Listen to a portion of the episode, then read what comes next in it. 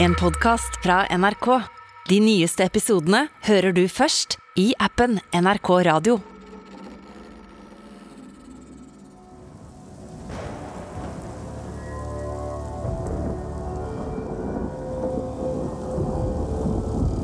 Sommeren 1315 var det ikke noe ordentlig sommer i Norge. Det regna fra mai til september, så kornet ble ikke modent det året. Folk sa ja ja, det var noe som pokker, men det blir sikkert bedre til neste år, skal du se. Men det ble det ikke. Det var like galt året etter, og året etter der, og året etter der, og året etter der. Fra 1315 til 1322 regna det mer eller mindre konstant i hele Nord-Europa. Og jeg kan tenke meg at det var mange som sa herregud, dette her er ikke normalt. Jeg tror det holder på å skje noe med klimaet.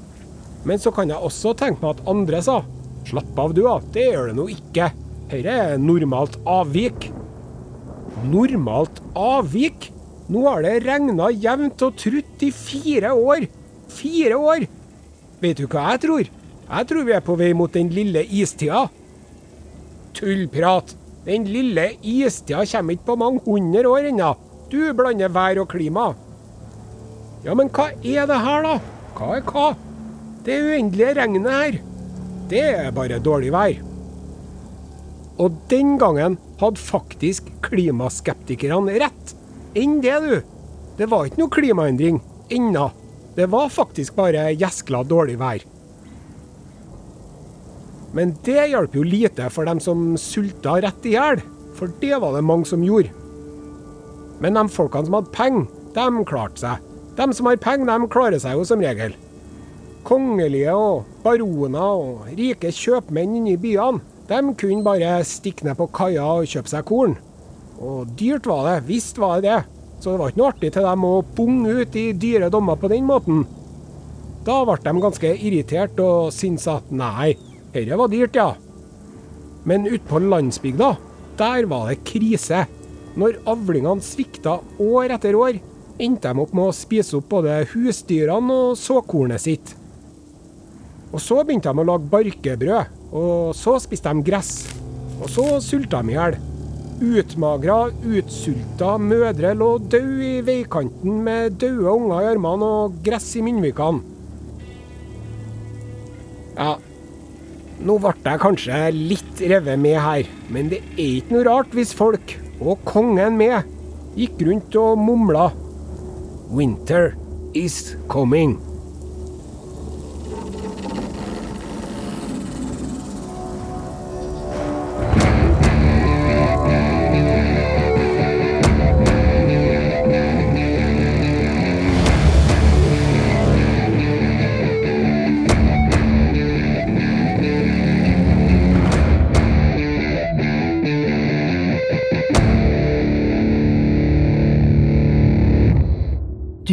Hører Kongerekka med Are Sende Osen, sesong tre.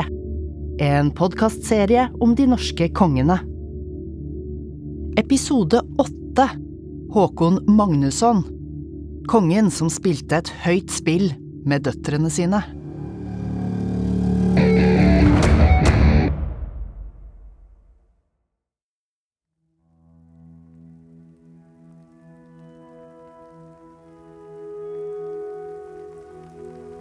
Kong Håkon Magnusson var den yngste sønnen til kong Magnus Lagabøte. Både farfaren og farfars farfar hadde vært noen små gnomer. Det var ikke Håkon Magnusson. Han var høy og tynn og hadde lange bein. Han hadde så lange bein faktisk at de kalte han det Håkon Hålegg. Hålegg betyr langbein. Håkon Langbein. Han Langbein i Donald, han er jo en goofy type. Sløv og fjern og avslappa og ganske klebbete. Det var ikke han Håkon Langbein. Han var rake motsetninger. Han var streng. Seriøs type. Alle skal kle seg sånn som meg, bestemte kong Håkon. Og klesstilen hans, den var tradisjonell. Gammeldags snitt, altså ganske lang kjortel. Mannfolkene skulle ikke drive og jåle seg til med korte kjortler og stramme bukser i rødt, grønt og gult, som driver og viste fram legger, lår, hofter og det som verre var. For det drev de og gjorde nede i Frankrike og Tyskland, nemlig. Og klær laga av fargerike lapper var forbudt. Det var å brife med rikdommen sin, med en kong Haakon Langbein. Det skulle man ikke gjøre. Skulle være nøkternt. Så han kong Haakon Langbein var så langt unna Donald Langbein du kan komme. Bortsett fra de lange beina, da.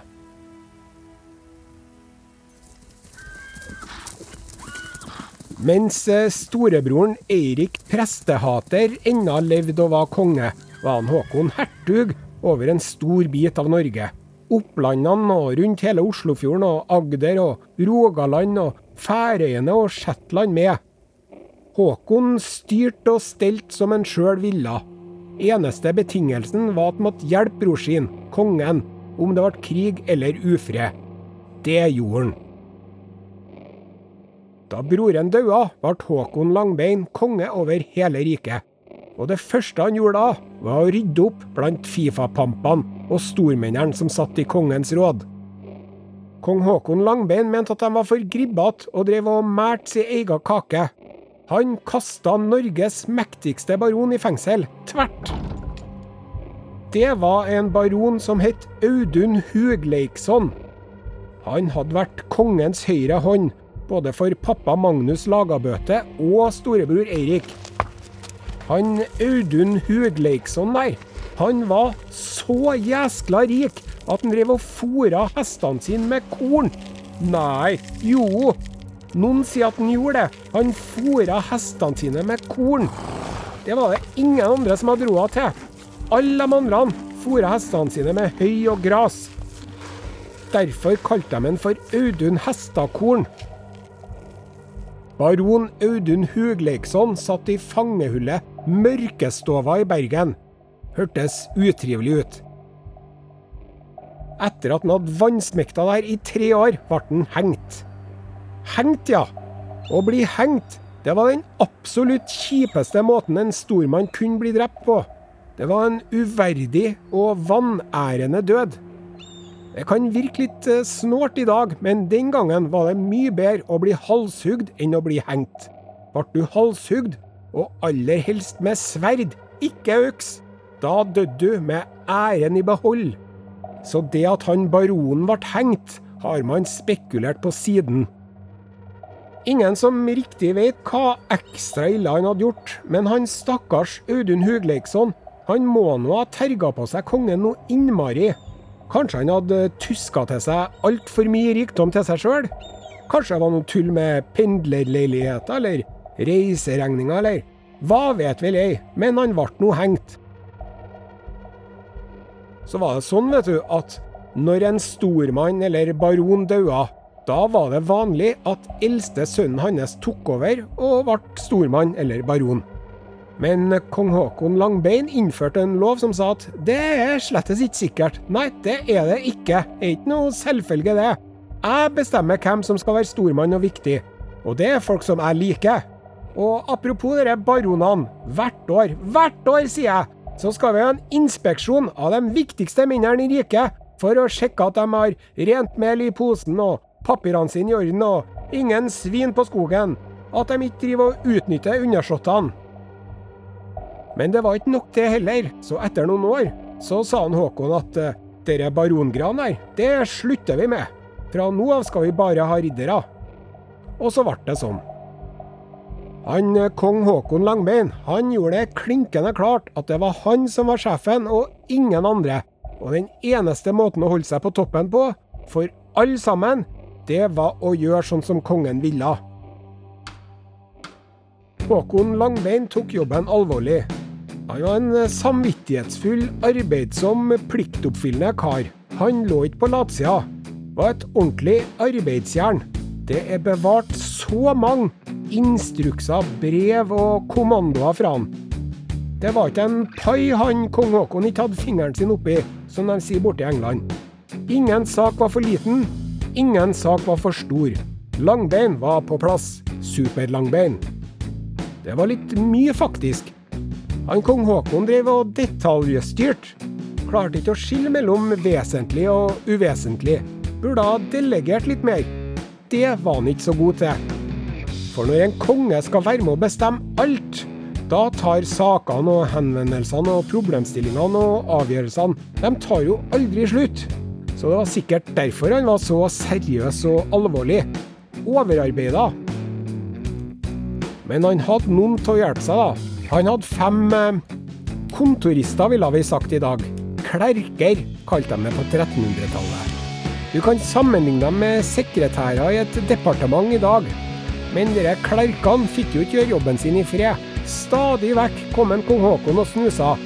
Hva du holder på med? Hva slags sak er det? Gjør du sånn? Nei, du må da ikke gjøre sånn. Du må gjøre sånn. Sjøl om kong Haakon Langbein var mye i Tønsberg og Bergen, var det Oslo som var hovedkvarteret hans. Det var der han hadde kontoret sitt, det var der han hadde arkivet sitt. Så fra nå av kan vi si at Oslo er hovedstaden i Norge. Han var ordentlig Oslo-gutt, altså. Første kongen som ble krona i Oslo. Oslov. Og Håkon var glad i å bygge festninger og borger. Han bygde festning i nord og i sør. Tønsberg, Båhus, Vardø og sist, men ikke minst Akershus festning. Inni festningen på Akershus hadde han skattkammeret sitt. Litt sånn pengebinge, det ser jeg for meg. Men jeg tror ikke at en kong Haakon drev og bada i pengene sine, sånn som en onkel Skrue elska å gjøre da. Han var så seriøs, han Håkon Langbein.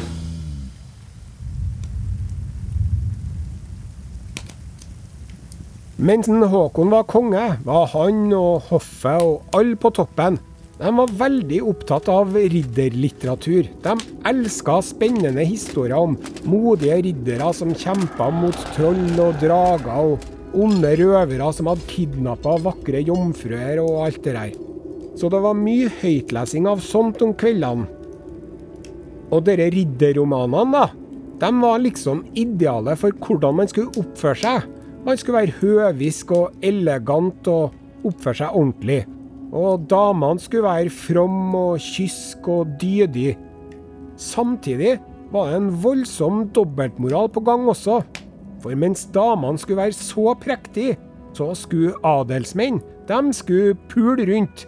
En god adelsmann var en ordentlig rundbrenner. Er det ikke typisk dobbeltstandard? Og som vanlig er det kvinnfolkene som kommer verst ut av det.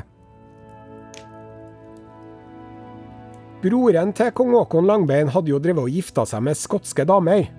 Håkon òg ville ha ei kone, så han prøvde lenge å ordne seg, både franske og engelske prinsesser sto på ønskelista, men det gikk ikke. Men rett før broren døde, fant han ei dame som var bra nok, og gifta seg med hun. Eufemia, ei fyrstedatter fra Rygen. Rygen? Rugen. Ei fyrstedatter fra Rugen. Rugen var et fyrstedømme i Nord-Tyskland. Dronning Eufemia fikk Bygdøy i morgengave dagen etter bryllupet.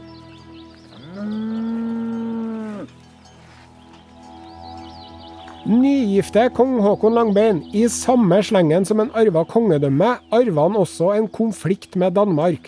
Norge hadde jo krangla lenge med danskene. Håkon Langbein mente at han hadde krav på jordeiendommer etter mora si i Danmark og han mente at Norge var en maktfaktor i Skandinavia, og at han skulle være med å bestemme ting. Han ville ha innflytelse, så han var ganske frampå og aggressiv der. Kong Haakon var altså høy og tynn og streng og seriøs og kristen. Alle kongene var jo kristne, og hadde vært det i over 300 år, men han Håkon, han var personlig kristen og ikke sånn gladkristen, nei, han var surkristen. Men han var ikke mer kristen enn at han hadde ei elskerinne på si, da. På kort tid fikk han unge med både dronning Eufemia og med elskerinna. Først elskerinna. Kong Haakon satt utafor og venta, og så kom de ut og sa gratulerer, du er blitt pappa. Hva vart det, hva vart det? spurte Håkon. Jente. Filleren, jeg vil ha en sønn! Og året etter satt han igjen og venta. Nå var det dronninga som drev og føda. Samme greia gjentok seg. Jordmora rakk ikke å si mer enn 'gratu'. Hva ble det nå, da? avbrøt kong Haakon. Ei nydelig lita jente. Ti fingre og ti tær. Fanken, jeg vil ha en sønn! Jeg vil ha en sønn! Jeg vil ha en sønn! Det her har jo alle Norges konger vært opptatt av. En sønn som kan føre arven videre. En sønn som kan bli konge. Men han Håkon Langbein, stakkars, han fikk ikke noe sønn, han. Og det var nå litt av en nedtur. Hva skulle han gjøre med døtrene sine, da? Jo, det skal jeg fortelle deg. Dem skulle han gifte bort. Og det gjorde han ganske fort også. Han Håkon Langbein han gifta bort begge døtrene sine pluss ei niese på null tid. Hva for noen niese? Jo, broren hadde jo fått ei datter rett før han døde. Og de var ikke ferdig med bleia heller, de småjentene der, før kong Håkon han satte inn annonse på Finn. Tre prinsesser ledig. Kongelige, adelige eller riktig store stormenn søkes til giftermål. Investeringsobjekt. Noe venting på ferdigstilling må påregnes. Først så lovte han bort lille niesa si til en jarl ifra Orkenøyene. Og han var nå i hvert fall 30 år eldre enn niesa, for hun var bare tre. Og så lovte han bort ene dattera, hun som var ekte, altså født innafor ekteskap, til en svensk hertug, hertug Erik. Og så lovte han bort andre dattera si, hun uekte, til en norsk stormann og ridder. Men så skar forlovelsen mellom niesa og han eh, fyren fra Orknøyene seg. Og da lovte han bort niesa til lillebroren til svenske hertug Erik. Han var hertug, han òg. Hertug Valdemar. Broren til de to hertugene var svenskekongen, kong Birger. Niesa og dattera skulle altså gifte seg med hver sin svenske hertug. Ingebjørg og Ingebjørg. Både dattera og niesa het Ingebjørg, nemlig. Det her er forvirrende. Men begge hertugene var nå rundt 20 år eldre enn brura si. Det var litt av et opplegg. Og jæven hvor travelt han hadde, må jeg få si. Da de ble lova bort, var yngste dattera, hun var ett år. Og eldste dattera, hun var to år. Og så har du niesa. Hun var jo nesten for ei gammel peppermø å regne. Hun var tre. Hvorfor gjorde Håkon Langbein det her? Hvorfor hadde han det så travelt? Hvorfor drev han og skalta og valta med sitt eget kjøtt og blod på denne måten? Svaret er makt. Han var ambisiøs. Han ville ha mer. Og gjennom de her ekteskapene ville han bygge opp allianser mot de forbaska danskene, som var den største konkurrenten hans da. Nå ble nå de her tre jentene heldigvis ikke gifta bort mens de fortsatt var smårollinger. De ble forlova, ja, men heldigvis så venta de med bryllupet. De venta lenge.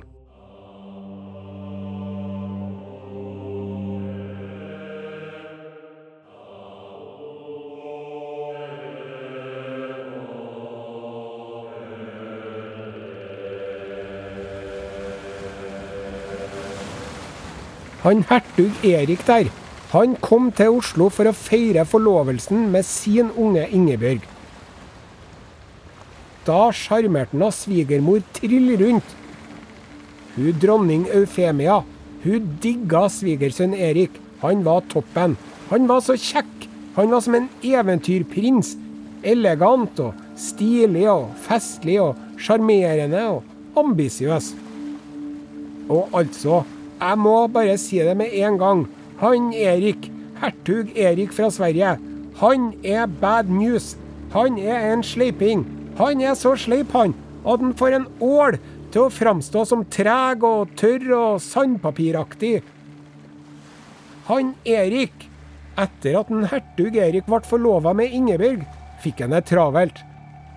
Han gjorde opprør mot sin egen bror, svenskekongen, og kriga mot han, og fanga han, og kasta han i fengsel. Lillebror Valdemar var med på laget, han òg.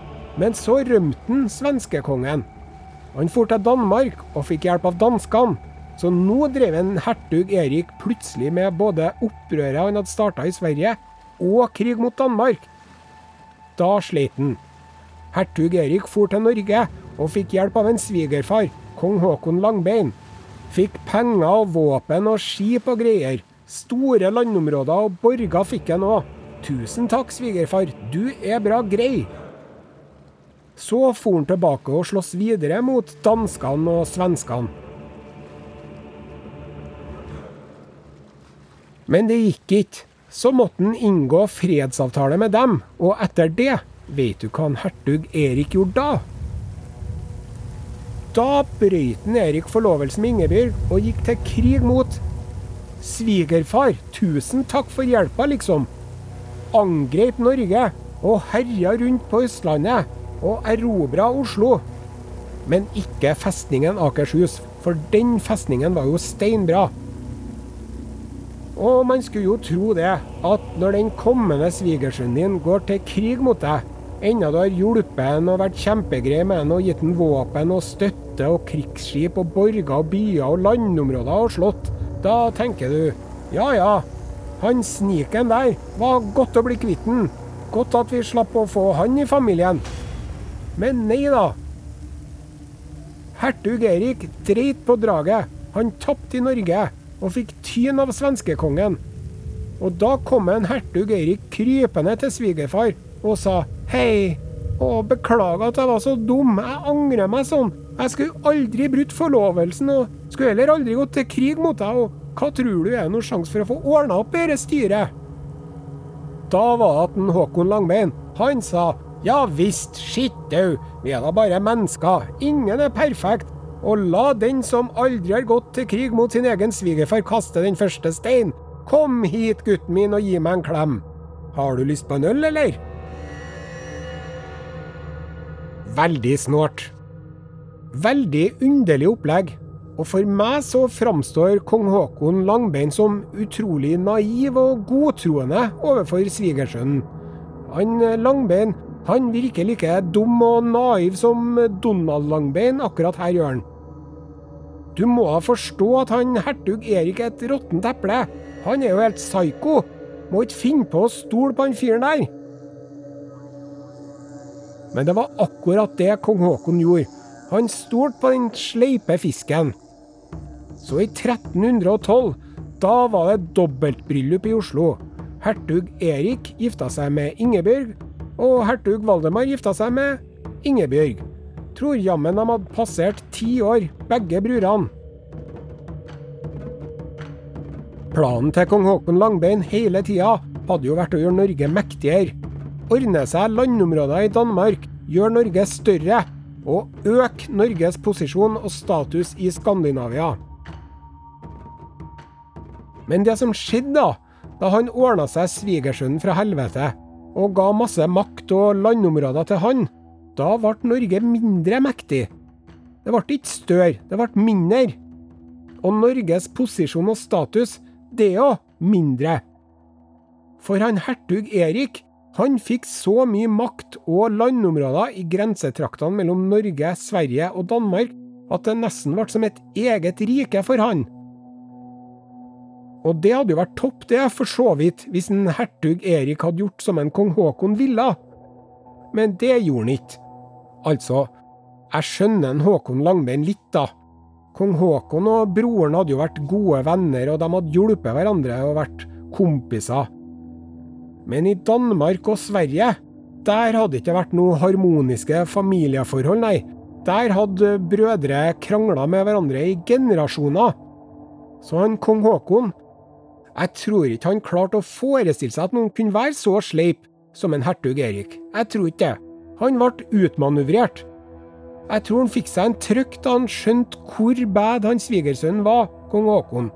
At han ble litt eh, desillusjonert og mista litt eh, futten og spensten i de lange leggene sine.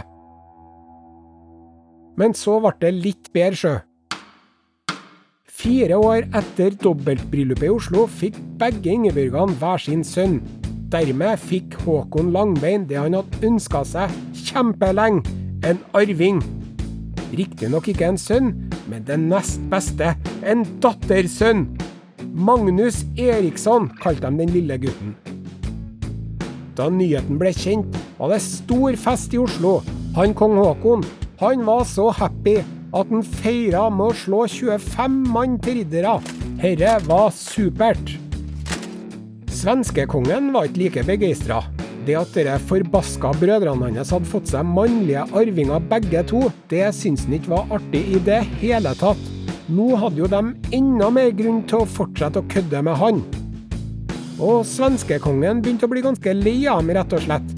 Han hadde ikke glemt at de hadde stukket kjepper i hjulene for han i årevis, og gjort opprør mot den, og kasta han i fengsel, og kriga mot den.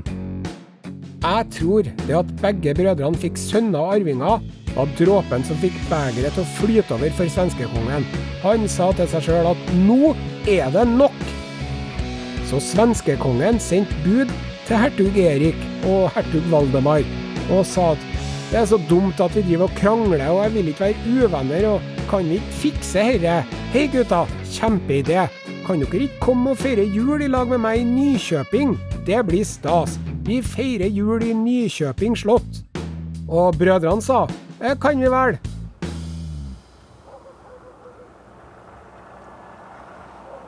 Og da de kom til slottet, sa svenskekongen kom inn, kom inn, velkommen, velkommen, god jul. Og så heiv han dem i det kjipeste, nederste fangehullet i kjelleren på Nykjøping slott. Og så sa svenskekongen Trodde dere jeg hadde glemt at dere kasta meg i fengsel for snart ti år siden? Hæ? Hæ? Og så lenka han dem fast i fangehullet med kjetting rundt både halsen og armene, og låste døra til fangehullet. Og tok nøkkelen og gikk opp og kasta den i Nykjøpingelva. Der satt de brødrene. De fikk litt vann og brød til å begynne med, men så ble det slutt på det. Og etter ei stund så døde nå dem.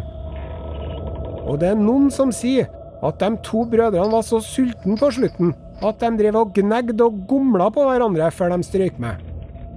Så det var jo to skikkelig onde skurker, dere svigersønnene der. Eller var de bare menn av si tid? Lell, jeg syns litt synd på dem, altså. Det var det mange i Sverige som gjorde òg. Alle svenskene glemte hvor bad hertug Erik og hertug Valdemar hadde vært. Så nå fikk man sånn superromantisk, glorifiserende syn på dem.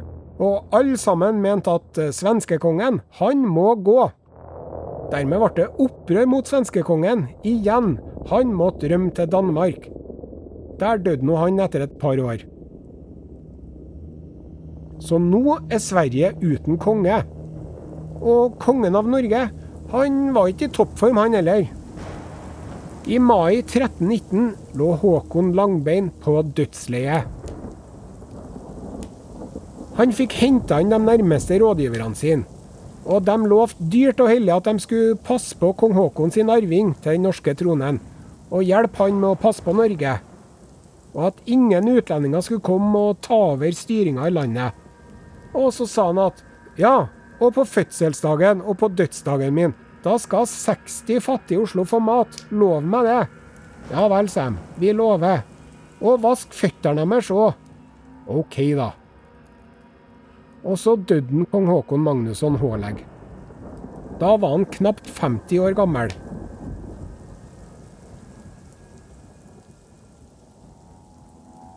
Nå var det Håkons dattersønn Magnus Eriksson som ble konge i Norge.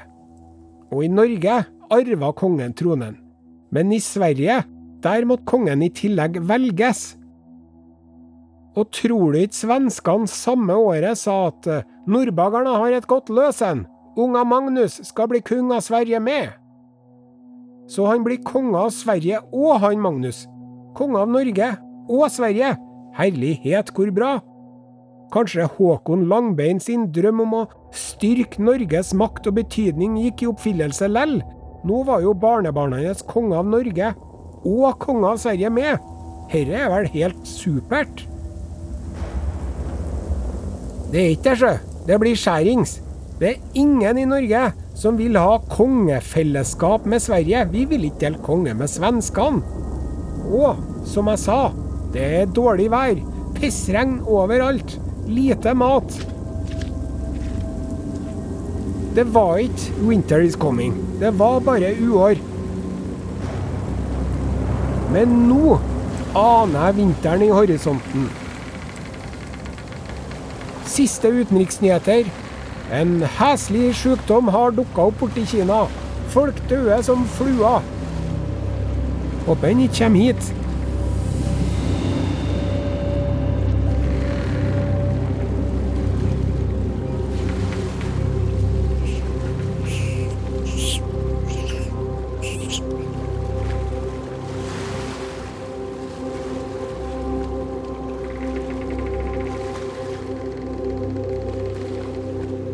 Kongerekka er laga av Are Sende Osen og Ragnhild Sleire Øyen.